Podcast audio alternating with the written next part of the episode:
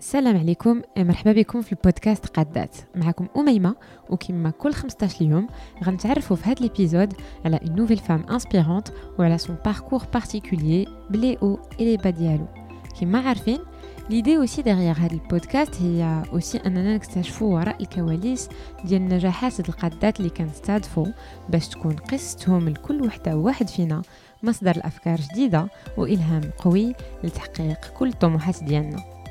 الضيفة ديال قادات اليوم هي سهام بن صاري كما غتسمعوا صعيب نقدمها لكم اون ان سول تيتر Siham est architecte paysagiste, entrepreneur et depuis quelque temps coach certifié. Mais elle est surtout واحد الإنسانة اللي ما كتستسلمش اللي عرفت تتجاوز دي سيتوياسيون ديفيسيل grâce à sa persévérance. كل عام الشوف ديال سهام غادي وكينقص فاش اكتشفت المرض ديالها il y a quelques années كان يمكن ليها تسمع الهضره ديال الطبيب ديالها وتحبس كل شيء ولكن سهام كما غتسمعوا اختارت تشعل من هاد الوضعيه ان فري موتور لسي بروجي في هاد الحلقه عاودت لينا سهام كيفاش تحدات هاد الاعاقه et a réussi l'ascension du Kilimanjaro Elle nous parle aussi de comment elle a appris à s'accepter pour dépasser ses limites, de l'importance d'écouter son corps et surtout d'être acteur de sa vie. Donc, بلا ما نطول عليكم دابا نخليكم تكتشفوا هذا اللقاء Bonjour Siham, merci d'avoir accepté l'invitation de Radat. Bonjour Anima. Et tout d'abord, félicitations parce que je viens, je viens d'apprendre euh, qu'il y a aussi la soutenance dialogue pour devenir euh, coach certifié. Donc, on connaît Siham en tant que paysagiste, euh, architecte, en tant aussi euh, qu'alpiniste. Et donc là, c'est un, une nouvelle corde euh, que tu viens de rajouter à ton arc. Et euh, j'ai l'impression que Siham a dit les challenges. Euh, oui, tout à fait. Je pense que c'est quelque chose qui me parle beaucoup, les relever les défis. Euh, effectivement, je, bah, je, suis architecte paysagiste de formation et designer d'intérieur, un métier que je pratique depuis plus d'une vingtaine d'années, que j'adore. Effectivement, j'ai fait quelques, quelques ascensions. Euh, ça, c'est euh, le plaisir d'être dans la grande nature. Et, euh, et, le coaching, effectivement, c'est euh, un domaine euh, nouveau pour moi. Ça fait à peine deux ans, que, à peu près trois ans que, que, que je suis là-dedans et que, que ma vie a pris un tournant particulier à partir de ce moment-là, où j'ai euh, connu le monde du coaching. D'accord. Voilà. Et donc, par rapport au fait d'apprécier les challenges et à vouloir relever les défis. Euh, on va y revenir euh, euh, particulière. Je voulais juste savoir si déjà ton enfance, est-ce que tu étais un enfant euh, suractif ou la black Skunti had A et, et c'est après en grandissant et avec le déclic dont on va discuter tout à l'heure, Ad, la volonté de te dépasser? Euh, alors, euh, je pense que, je pense que euh, mon, mon histoire, mon, ma jeunesse y est pour beaucoup. Mes, pa mes, parents m'ont transmis de belles valeurs d'ouverture, de, tolérance, donc ce qui explique l'amour de, la nature, des, des, grands espaces et découverte de, des on va dire, des, peuples euh, racines, des peuples authentiques. qu'on a fait beaucoup, beaucoup de voyages. Et il y a aussi les, valeurs de, travail, de, persévérance, euh, qui nous ont été transmis par, nos parents. Et, euh, je pense que c'est tout ce bagage-là qui me pousse aujourd'hui à, euh, à relever ces défis. Ça fait partie de moi. Voilà. Donc on a dit que la formation de base d'IALEC c'était euh, architecte paysagiste. C'est des études euh, que tu as menées en, au Canada mm -hmm. euh, avant de travailler aussi à, à l'international, donc avec un passage notamment au Portugal. J'ai fait mes recherches. Mm -hmm. Et donc je voulais savoir comment s'est passée cette période Kharij al-Maghrib et surtout qu'est-ce qui a fait qu'à un moment tu t'es posé la question et tu as surtout décidé un al-Maghrib. D'accord. Alors, euh, effectivement, j'ai fait mes études au Canada, donc pendant, pendant cinq ans, euh, à faire l'architecture la, de paysage et le design d'intérieur. J'ai fait euh, trois années euh, à l'étranger euh, pour, pour acquérir de l'expérience professionnelle, notamment à Paris, une année à Paris, une année à Lisbonne et une année au Canada. Et c'est des, expériences très enrichissantes, bien évidemment, au niveau professionnel et, aussi pour apprendre la, vie tout court. Et, et, bien sûr, bon, le retour au pays s'est imposé à moi parce que ça reste mon pays. Euh, j'y ai ma famille. Euh, euh, Il n'y a pas eu d'hésitation? Bien évidemment qu'il y a une hésitation et que, et que j'avais un moment voulu rester, rester à l'étranger. Bon, faut dire un mode de vie toujours beaucoup plus, plus libre et où la, la créativité est, beaucoup plus facile. Euh, à, exercer, mais, euh, mais voilà, il y a eu quand même l'appel, euh, l'appel du pays, l'appel de la famille, je pense qu'ils ont été beaucoup plus forts que, que tout ça. Et alhamdoulilah, avec du recul, je suis très contente d'être, d'être rentrée. Il faut dire que les débuts n'ont pas été faciles, mais je pense qu'aujourd'hui ça paye et je suis très contente d'avoir franchi le pas de, de, retourner chez moi et de faire des choses pour, pour mon pays. Donc tu es rentrée, tu t'es installée, tu as aussi ta vie familiale ici, donc tu es mariée avec euh, deux enfants euh, et euh, tu t'es lancée aussi dans l'entrepreneuriat. Oui. Alors très vite en rentrant, je suis rentrée en l'an 2000, je me suis mariée et en 2001 j'ai créé ma boîte d'architecture de paysage, donc une entreprise qui fait à la fois la, conception et la réalisation des, des aménagements paysagers. Et pourquoi ce choix de passer par sa propre boîte et euh, pas à travers euh, un cabinet euh?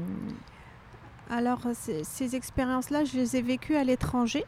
Donc, les trois années à l'étranger, j'ai travaillé en entreprise dans des bureaux d'architecture de paysage et, d'intérieur.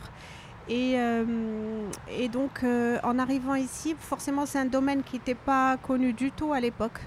Donc, tout était à faire. Euh, et, j'ai saisi l'occasion euh, très rapidement pour euh, ouvrir ma boîte et, travailler pour mon propre compte. Et à ce niveau-là, est-ce qu'il y a eu des défis, des challenges qui m'ont dit le domaine le paysagisme Est-ce qu'il y a eu des efforts de vulgarisation pour expliquer le métier et, et comment tu t'y es pris? Alors effectivement, en arrivant, euh, j'avais l'impression d'être une extraterrestre parce qu'on m'appelait pour euh, planter de la, pelouse ou, euh, faire un traitement pour une plante malade. Alors que c'est pas nécessairement ça. alors que je faisais des concours internationaux en étant au Canada et ailleurs. Donc le gap était très très très très large et j'avais comme mission, je me suis donné comme mission de vulgariser ce métier. Alors j'ai écrit beaucoup euh, d'articles, euh, j'ai essayé voilà, de, vulgariser euh, à ma manière.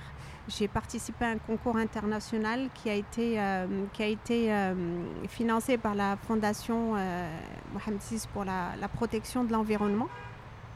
Et je pense que j'ai réalisé au Canada et je pense que c'est ce projet-là qui m'a réellement lancé au Maroc et qui a permis d'avoir la visibilité euh, que, que j'ai euh, bah, eue euh, à un moment donné de ma vie professionnelle. Et comment tu expliques ton métier, par exemple, à tes grands-parents C'est mignon, vraiment. C'est vraiment le j'ai le souvenir d'avoir expliqué ça à ma grand-mère, elle me disait اجي فسري لي شنو شنو واش بحال الجارديني ديال لوكس dire jardinier de luxe j'ai dit oui c'est quelque chose comme, ça, euh, euh, en fait on intervient beaucoup sur euh, les aménagements aménagements paysagers mais au niveau de la, de la ville au niveau de grands grands projets de grands complexes immobiliers hôteliers et ça passe pas nécessairement par les plantes uniquement mais aussi par euh, par les, la voirie, par euh, l'éclairage public, par les revêtements, par, euh, par le choix et, bien évidemment des plantes. Donc ça reste quand même vague et, large comme, intervention.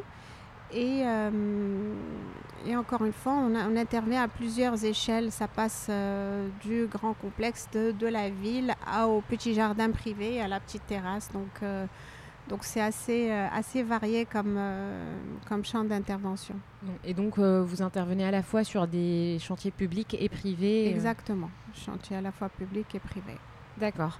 Donc tu t'es installé film Maghreb quelques années après, donc en 2008, j'ai l'impression il y a eu un diagnostic, il y a un au niveau oculaire, mhm. et tu t'es rendu compte que ta vie allait peut-être changer. En tout mhm. cas, tu, tu, pourras nous en dire plus.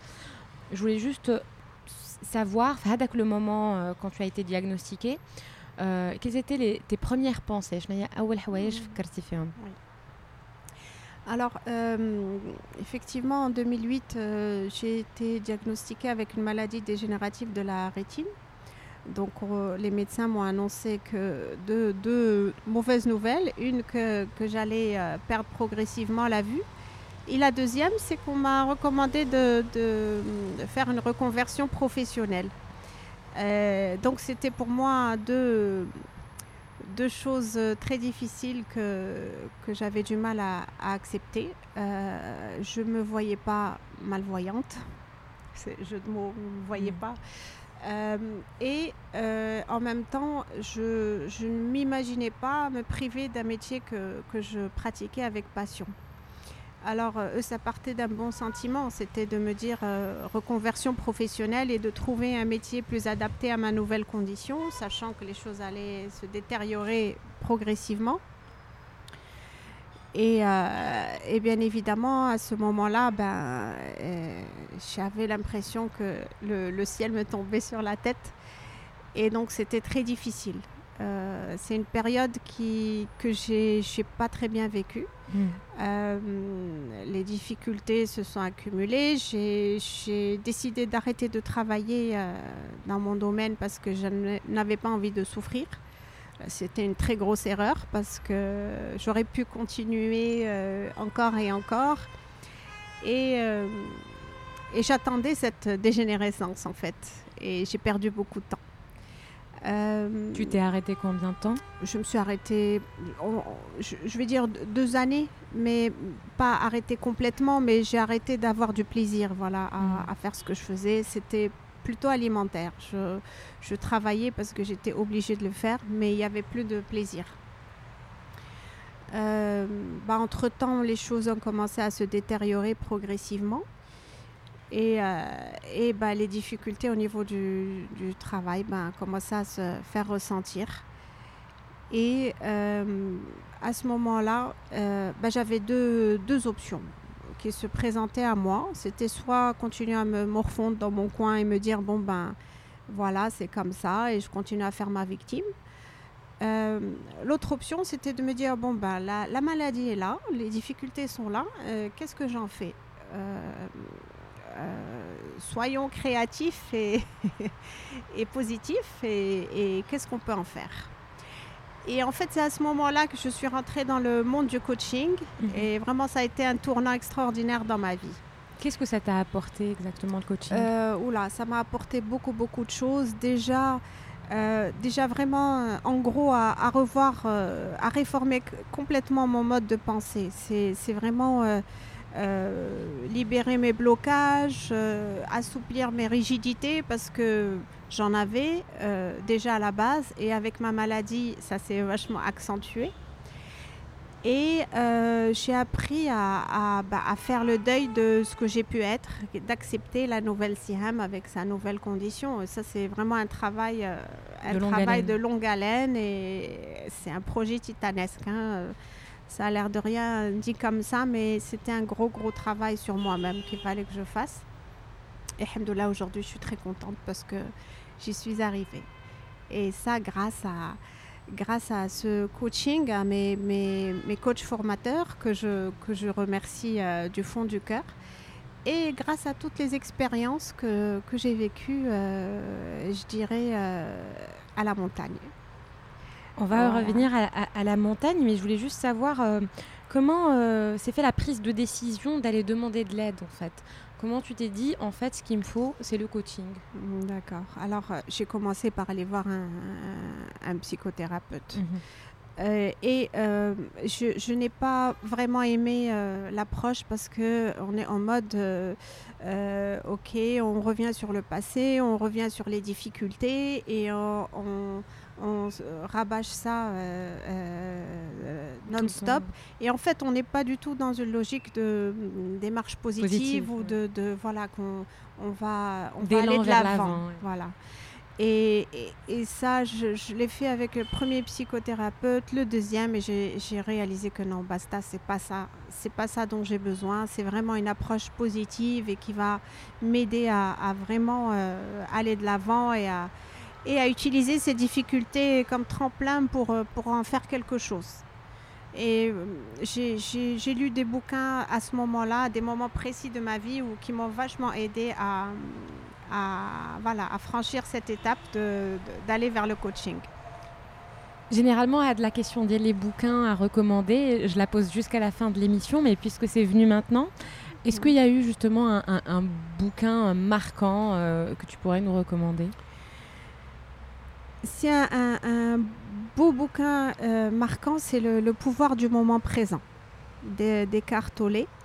Euh, que j'ai adoré parce que là, euh, vraiment, ça nous montre à quel point le, le, vivre le moment présent, l'instant ici et maintenant, c'est et ne pas être là à ressasser le passé ou à appréhender le futur, c'est tout se passe maintenant. Donc, donc c'est en fait ouvrir le champ des possibles. Quand on est dans le moment présent, eh ben, ben, tout, est, tout est possible à ce moment-là. Et euh, un autre livre qui est quand même barbant à la, à la lecture, mais, mais quand même avec des enseignements extraordinaires, c'est Du désir au plaisir de changer. C'est en lisant ce livre-là qu'à un moment donné, d'ailleurs je n'ai pas retrouvé le, le passage, c'est à ce moment-là où j'ai dit je vais aller à la montagne, je veux relever un défi. Donc c'est comme ça qu'est venu le déclic. C'est comme ça qu'est venu le déclic. Et pourquoi exactement la montagne? Euh, pourquoi la montagne? Parce qu'en fait, bon, j'ai euh, des souvenirs extraordinaires euh, en étant jeune avec mes parents à sillonner le Maroc du nord au sud, d'est en ouest. C'est vraiment, on a vécu des moments magiques en famille à aller marcher euh, dans la grande nature, à, découvrir des, coins reculés. Et, j'ai le souvenir de ces vibrations qu'on peut ressentir, enfin que j'ai pu ressentir à ce moment-là. Euh, c'était des moments magiques que, j'ai bien évidemment reproduits avec ma petite famille, mon mari, mes enfants, nos amis, etc. Et à un moment précis, euh, j'ai eu vraiment une envie d'y retourner et de revivre tout ça. Euh, sachant que qu'après mon diagnostic et toutes les difficultés, je, c'est comme si je m'étais étiquetée euh, handicapée et mmh. que euh, et qu'à ce moment-là, ce n'était plus possible de d'aller d'aller dans la grande nature, de marcher dans des conditions difficiles, etc. C'est pour moi, c'était plus vraiment possible. Or, l'impossible n'existe pas. voilà il y a toujours moyen de, de relever des défis euh, si on a la volonté. Je pense qu'il n'y a, a, aucune raison pour que ça ne, ça ne fonctionne pas. Et effectivement, il en faut de la détermination. Donc, euh, tu t'es lancé dans un projet presque fou, puisque tu as décidé de faire l'ascension du Kilimanjaro, je précise, sans préparation. Exactement, sans préparation. C'était sur un coup de tête. En fait, j'étais, à une phase où, euh, bah, je, commençais à perdre euh, sérieusement mon autonomie euh, pour mes déplacements. Et à ce moment-là, j'avais une envie obsessionnelle de marcher je disais à mon mari, euh, je veux marcher, je veux marcher, des fois même en pleurant, il me disait, mais, mais marche, mais je suis à côté de toi. Mais justement, je disais, je ne veux pas avoir quelqu'un à côté de moi, je veux marcher toute, seule. Ça faisait deux ans que j'avais ma canne blanche dans le sac, mais que je me refusais d'utiliser parce que je ne l'acceptais pas encore. Donc, euh, donc euh, j'avais, j'avais une envie de, d'autonomie. C'était, j'avais envie de me libérer, sortir de, de ma zone de confort. Euh, vraiment, j'avais envie de, cheminer et d'être seule. Vraiment de, vivre un moment d'introspection, loin de tous les miens et, être en connexion avec, euh, avec le ciel, avec la nature, avec moi-même. voilà, c'est dans cet objectif-là que j'ai fait mon ascension dans le Kilimanjaro. Mais décris-moi, donc tu arrives, euh, c'est entre la Tanzanie et le Kenya. Et le Kenya, tu arrives en dessous de la montagne qui fait plus de 5000 mètres de hauteur. Mhm. Qu'est-ce que tu te dis? Alors, en, regardant cette montagne, je me disais, je vais probablement pas arriver au sommet. Euh, je disais à mes coéquipiers, bon, vous prendrez la photo euh, de moi avec vous, vous ferez un petit, un petit coup de Photoshop. J'étais persuadée que j'allais pas y arriver, mais j'avais juste envie de, faire un bout de chemin avec eux, euh, avec des coéquipiers que je ne connaissais pas, donc que j'ai que j'ai connus sur la route. Sur la route, exactement. J'avais un coach extraordinaire, c'est Nasser Ben Abjlil, qui qui nous a, qui nous a euh, bien coachés, qui mhm. nous a bien encadrés, nous a bien soutenus. Et qui était déjà euh, le premier Marocain à avoir franchi l'Everest. Exactement. C'est vraiment. Euh, voilà, donc c'était, c'était des moments, moments magiques qu'on a vécu pendant six jours à, à, cheminer sur les, les flancs du, du, Kilimanjaro. Et finalement, j'ai réalisé que chaque étape franchie en fait, me donnait envie d'aller encore plus, haut. loin. Euh, d'aller encore plus haut ben, jusqu'à arriver au sommet. donc c'était une belle victoire. Pas, pas nécessairement celle d'arriver au sommet, mais surtout d'avoir euh, pu surmonter mon, handicap. Parce que j'ai pris conscience que quand même dans mes conditions, arriver jusqu'en haut, c'était c'est quand même... Euh, voilà, c'est en toute modestie. J'étais je, fière de moi. Et ça m'a vraiment euh, réconciliée avec, euh, avec moi-même, avec, euh, avec mes réelles capacités. Mm. C'est à ce moment-là que j'ai réellement accepté ma maladie. Mm-hmm. Que je me dis, bon, bah, c'est c'est pas arrivé par hasard. C'est, je pense que le, le, le, ciel nous envoie des, des, des signaux par moment. Mm-hmm. à ce moment-là, je l'ai pris comme un cadeau. Je, je me suis dit que, que peut-être que si j'avais pas, j'avais pas eu cette maladie, j'aurais jamais vécu une expérience mhm. pareille, une expérience unique. Donc je me suis sentie chanceuse à ce mhm. moment-là. Puis on se rend compte aussi que les limitations sont parfois plus psychologiques que physiques. Complètement, ouais, complètement. Euh, euh, j'ai réalisé la, la, force du mental et de la volonté à, à, ce moment-là bien précis, sachant que j'avais aucune préparation physique. Euh, et euh, voilà, je pense que c'est mon mental qui m'a porté aussi haut. Mhm. Ouais. Et euh, ce que je trouve aussi intéressant, c'est qu'il hum, y a eu une dynamique un peu progressive. Donc, tu, nous disais qu'à chaque étape, tu voulais aller plus loin. Il n'y a, eu aucun moment de down, aucun, aucun moment de doute ou de difficulté même pendant l'ascension? Euh, Les difficultés, il y en a eu tous les jours. Hein. C'est quand même des, des, 6 à 8 heures de marche par jour, voire, voire 12 vers, vers, le, vers le sommet. Euh, les difficultés étaient là, mais curieusement, voilà, j'avais un mental euh, incroyable euh, durant cette ascension. Et j'avais une rage en moi. Je pense que j'avais accumulé beaucoup de, frustration. Il fallait que je me prouve à moi-même et prouver à, ma famille que j'étais capable parce que j'étais en mode surprotection, me surprotéger. Euh, on m'empêchait de faire ci ou ça parce que, parce que j'allais pas être capable, etc. Donc là, j'avais envie de me prouver que oui, euh, j'étais encore capable de faire des choses. Donc, donc j'ai pas. Limite, j'ai les difficultés, je les ai pas ressenties euh, euh, comme des freins. Comme des freins à ce moment-là, pas du tout. Mais mm. plus comme un tremplin pour aller, euh, aller de l'avant.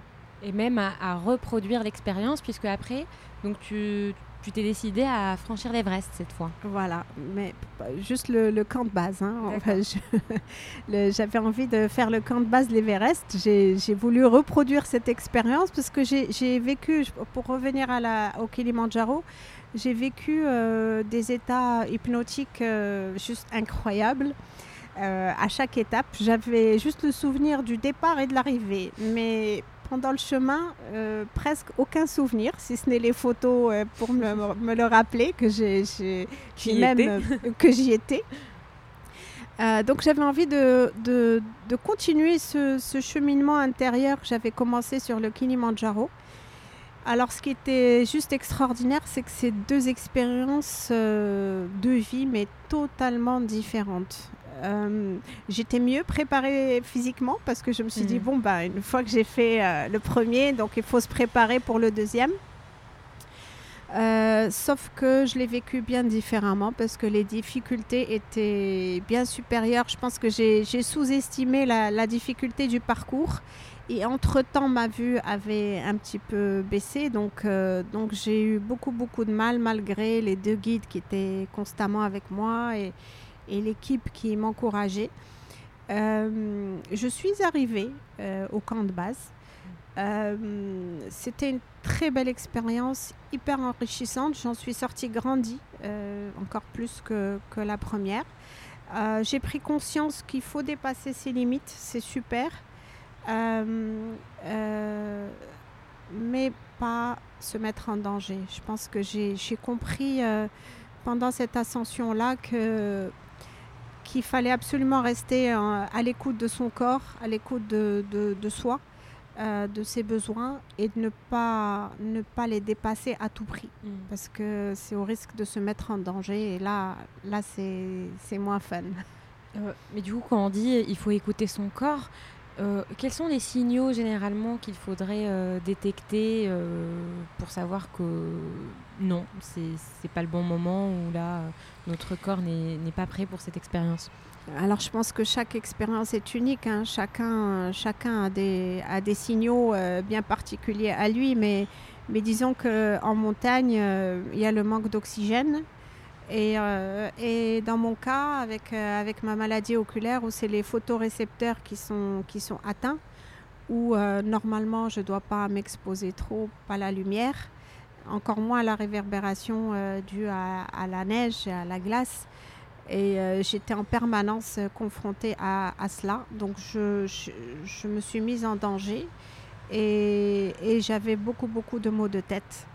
Euh, et donc euh, j'en suis sortie un peu plus fragilisée, euh, à la fois physiquement et mentalement. Mhm. Donc euh, c'était une belle expérience, oui, mais il aurait fallu que j'arrête euh, plus tôt pour, Mhm. euh, pour ne, pas me, ne pas être en difficulté comme je l'ai été.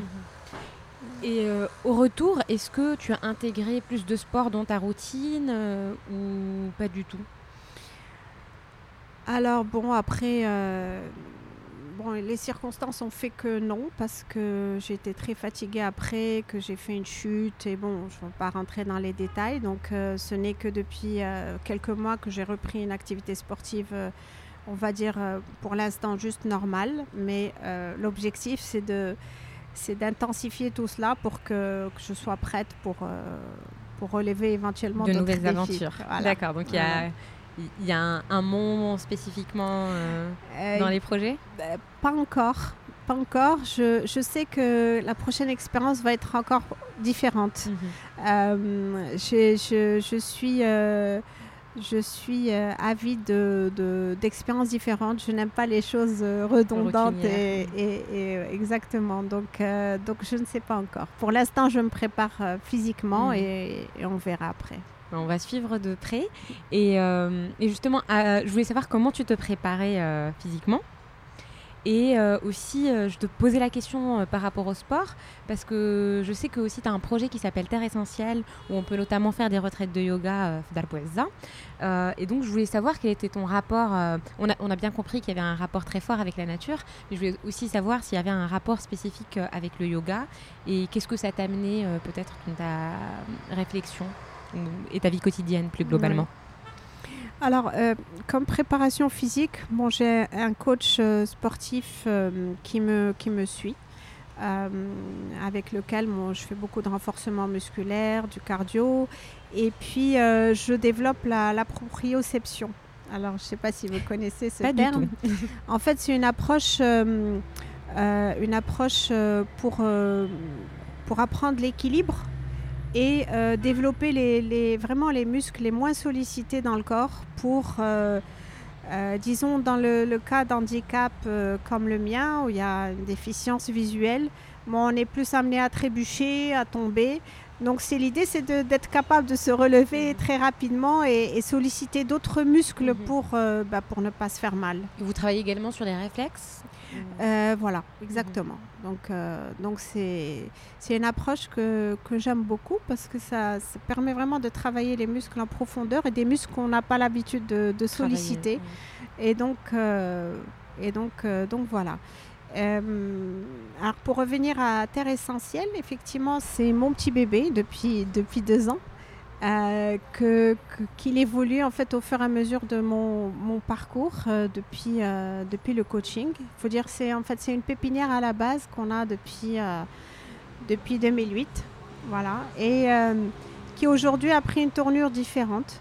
c'est en fait un compromis entre, entre euh, le monde du coaching dans lequel je me suis lancée, et puis mon métier de base, mhm. ma passion, qui est l'architecture de paysage. En fait, c'est, c'est une structure d'accueil, euh, on va dire nouvelle génération, qui, euh, qui accueille des, des, événements à la fois professionnels et particuliers, comme les, les, team building, les retraites, les séminaires, formations. Et euh, en fait, c'est un site euh, qui est à Darboisa. Euh, c'est un grand jardin de, 2 hectares dans lequel j'ai aménagé un, un écolodge avec 9 chambres. Un écolodge, alors tout le site en fait est, conçu avec une approche écologique et, respectueuse de l'environnement. Mm. L'écolodge est fait avec des conteneurs maritimes recyclés. Euh, il y a un grand jardin, il y a tout un circuit thérapeutique euh, à l'intérieur de, de, ce jardin-là avec des expériences euh, sensorielles et des ambiances paysagères différentes. L'idée, c'est vraiment de, de permettre aux, aux, gens, qui, aux visiteurs, de, vivre des, des, choses particulières à la fois individuellement et collectivement. Mm. Et on a aussi, euh, euh, aussi, aussi un, espace restauration, un concept store et, euh, voilà, et plein de jardins à thème. Ah, ça, ça donne vraiment envie. j'espère que la prochaine fois j'aurai l'occasion de, de, m'y rendre. Ben, Peut-être pour une activité. Et donc comme on, on a pu l'entendre, le parcours de Siham et la vie quotidienne de Siham est, est très riche euh, d'expériences très diverses entre donc, euh, le projet Terre, Essentielle, euh, ton travail en tant que paysagiste et dans un futur proche aussi de coach. Et ta vie de, famille et de maman, je voulais savoir comment tu trouvais un équilibre. Est-ce que tu as mis en place des règles, des méthodologies concrètes pour pouvoir mener tous ces fronts en parallèle? Alors, c'est une question qui m'est beaucoup posée. Euh, ma famille passe avant tout. Euh, ma petite famille passe avant tout, mes deux enfants et mon mari. Euh, mon mari travaille avec moi, donc, donc il est, il est dans, on est dans la même boîte, la Gave Bleue. Donc on a l'occasion de se voir beaucoup dans le cadre du travail et de s'entraider, parce que de toutes les façons, j'aurais pas pu monter ce projet-là sans lui. et lui n'aurait pas pu non plus sans moi, donc on se complète parfaitement pour ce projet-là. Et, euh, et, donc, euh, c'est pas évident. Euh, c'est pas évident de mener de front tous ces projets en même temps, mais je mm. pense que je suis animée par une passion mm. qui, est, qui est là, qui est bien visible. Donc, mm. et donc, j'en profite parce que parce que je me fais avant tout plaisir dans ces projets-là. Et j'ai envie de dire, c'est pas évident non plus de travailler aussi avec l'homme avec qui on partage sa vie. Euh, oui, c'était pas évident euh, au départ. Au début, ouais, au début c'était très difficile. On a, on a même failli rompre, mm. euh, mais on a, on a persévéré. Donc mm. encore une valeur familiale qui, que je, je remercierai jamais suffisamment mes parents pour, pour tout cela. Euh, oui, on a persévéré tous les deux et alhamdoulilah aujourd'hui on a trouvé notre équilibre et, je me dis que quelque part heureusement qu'il est, qu'il est là parce mm. que avec ce qui m'est arrivé je pense que j'aurais soit abandonné soit, euh, euh, j'aurais mis ça entre parenthèses. En tout cas, ça n'aurait pas pris la tournure que ça a pris Mhm. aujourd'hui. C'est et c'est en grande partie grâce à mon mari. Mhm. Et vous, vous savez mettre des limites, par exemple, vous dites euh, on va parler de boulot euh, que quand euh, on travaille sur un chantier, ou là il y a quand même des, Des débordements. des débordements. Ouais, les débordements, on, on en a toujours, bien évidemment. Bon, beaucoup moins depuis qu'on a, on a vra- vraiment pris conscience et que les enfants ont compris, parce que finalement, c'est les enfants qui nous ont, nous ont euh, euh, fait euh, une confrontation euh, en effet miroir à table un soir. C'était tout petit, 5 ans et, et 3 ans, et, et répéter euh, ce qu'on ce qu'on disait par rapport à, à des clients ou des choses comme ça. C'est là où on a pris conscience que qu'on parlait euh, Beaucoup de boulot. Oui. Et voilà, ils nous ont dit, ben, on peut parler d'autre chose, euh, parler tout le temps de jardin, jardin, jardin. euh, et en fait, voilà. Mais effectivement, on est passionnés tous les deux, donc, euh, donc ça revient Mhm. un petit peu dans notre vie de, de quotidienne. quotidienne. Ouais. ouais. Et par rapport à, à Terre Essentielle, parce que justement, en découvrant de, actuellement le projet, euh, je me rends compte qu'il y a plusieurs dimensions. Il y a à la fois euh, euh, une programmation sportive portée sur l'extérieur, il y a à la fois le travail avec les, publics au sens large, à la fois individuels qui vont venir peut-être passer quelques nuitées à l'écolodge, mais aussi des entreprises qui pourraient organiser des, activités de team building, etc. Puis la restauration. Donc euh, ça demande vraiment des compétences managériales euh, assez fortes. Et j'ai envie de savoir, quelle, est, votre recette? Est-ce que vous gérez aussi euh, cela ou est-ce que vous passez peut-être par d'autres moyens en, en responsabilisant par exemple d'autres personnes? Alors, bon, pour commencer, en ce qui me concerne, euh, je suis très bonne dans la conception et la réalisation du projet, euh, dans le sens où je l'ai monté. Je l'ai monté, je continue à le monter. C'est quelque chose qui évolue euh, et, qui est tout le temps en mouvement. Maintenant, au niveau de la, gérance, je, je cherche quelqu'un pour s'en occuper parce que c'est très, très, très prenant pour garder un niveau qualitatif. Euh, ça demande vraiment euh, une énergie incroyable, chose que je ne peux pas, euh, je ne peux pas gérer, euh, gérer seule. Justement, donc je suis à la recherche Mhm. de, de personnes pour m'accompagner à ce niveau-là. Et tu as déjà des, des moyens pour outsourcer ces compétences-là? Comment tu comptes t'y prendre en fait? Euh, comment je compte m'y prendre Euh, bah déjà, déjà en parler autour de moi, euh, en parler autour de moi et puis, puis m'y atteler là tout de suite parce que en fait j'étais prise avec, avec mes formations, j'étais prise avec, avec la réalisation du projet, j'ai mis la, la main à la pâte à toutes Mhm. les étapes. Euh, arrivé à la gérance, là, là je, je bug. Je Mhm. pense que c'est une compétence qui, que je n'ai pas. Et, euh, et je pense qu'il ne faut pas, faut pas chercher à faire, euh, faire tout euh, soi-même parce qu'à un moment, à un moment, on n'y arrive plus ou ce sera au détriment de la qualité de, Exactement. de- du projet. Et donc, j'attends de trouver la bonne personne pour, pour commencer réellement. Donc, jusqu'à présent, on a fait, on a fait des, des- des événements ponctuels. Mais l'idée, c'est qu'à partir de maintenant, que ce soit quelque chose de, de très régulier, euh, étant donné que tout- toute la structure est prête. Mhm. Voilà. En tout cas, moi, ce que je retiens, c'est effectivement cette volonté euh, de, se faire entourer aussi par des gens qui sont plus compétents que nous sur certains domaines. Et je pense que c'est un signe euh, de maturité et aussi euh, de volonté d'aller de l'avant. Et aussi par rapport à, l'aventure physique et, mentale qui est l'ascension, une bonne qualité qui est la persévérance et, la volonté de, se dépasser. Peut-être pour finir, on pourrait revenir sur cette question de, de- persévérance et surtout de comment euh, de sa zone de confort. Que pourrait nous dire euh, la coach là-dessus?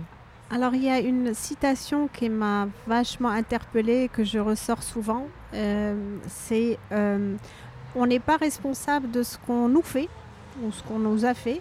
On est responsable de ce qu'on en fait. Je pense que ça résume tout. À partir du moment où on n'est plus dans la, dans la, position de victime et qu'on n'est plus, on n'est plus euh, spectateur de notre vie. euh, Là, je pense qu'on ouvre un champ de, de possibles. C'est que voilà, on est acteur et producteur de notre vie. À nous d'en faire ce qu'on veut. Euh, je pense que c'était ma, ma, plus belle leçon de vie euh, et j'espère qu'elle le sera pour d'autres. Merci beaucoup. je t'en prie, Omeima. Merci à toi. كانت هذه الحلقة مع سهام بن ساري اللي j'espère va résonner auprès de plusieurs d'entre vous. أنا en tout cas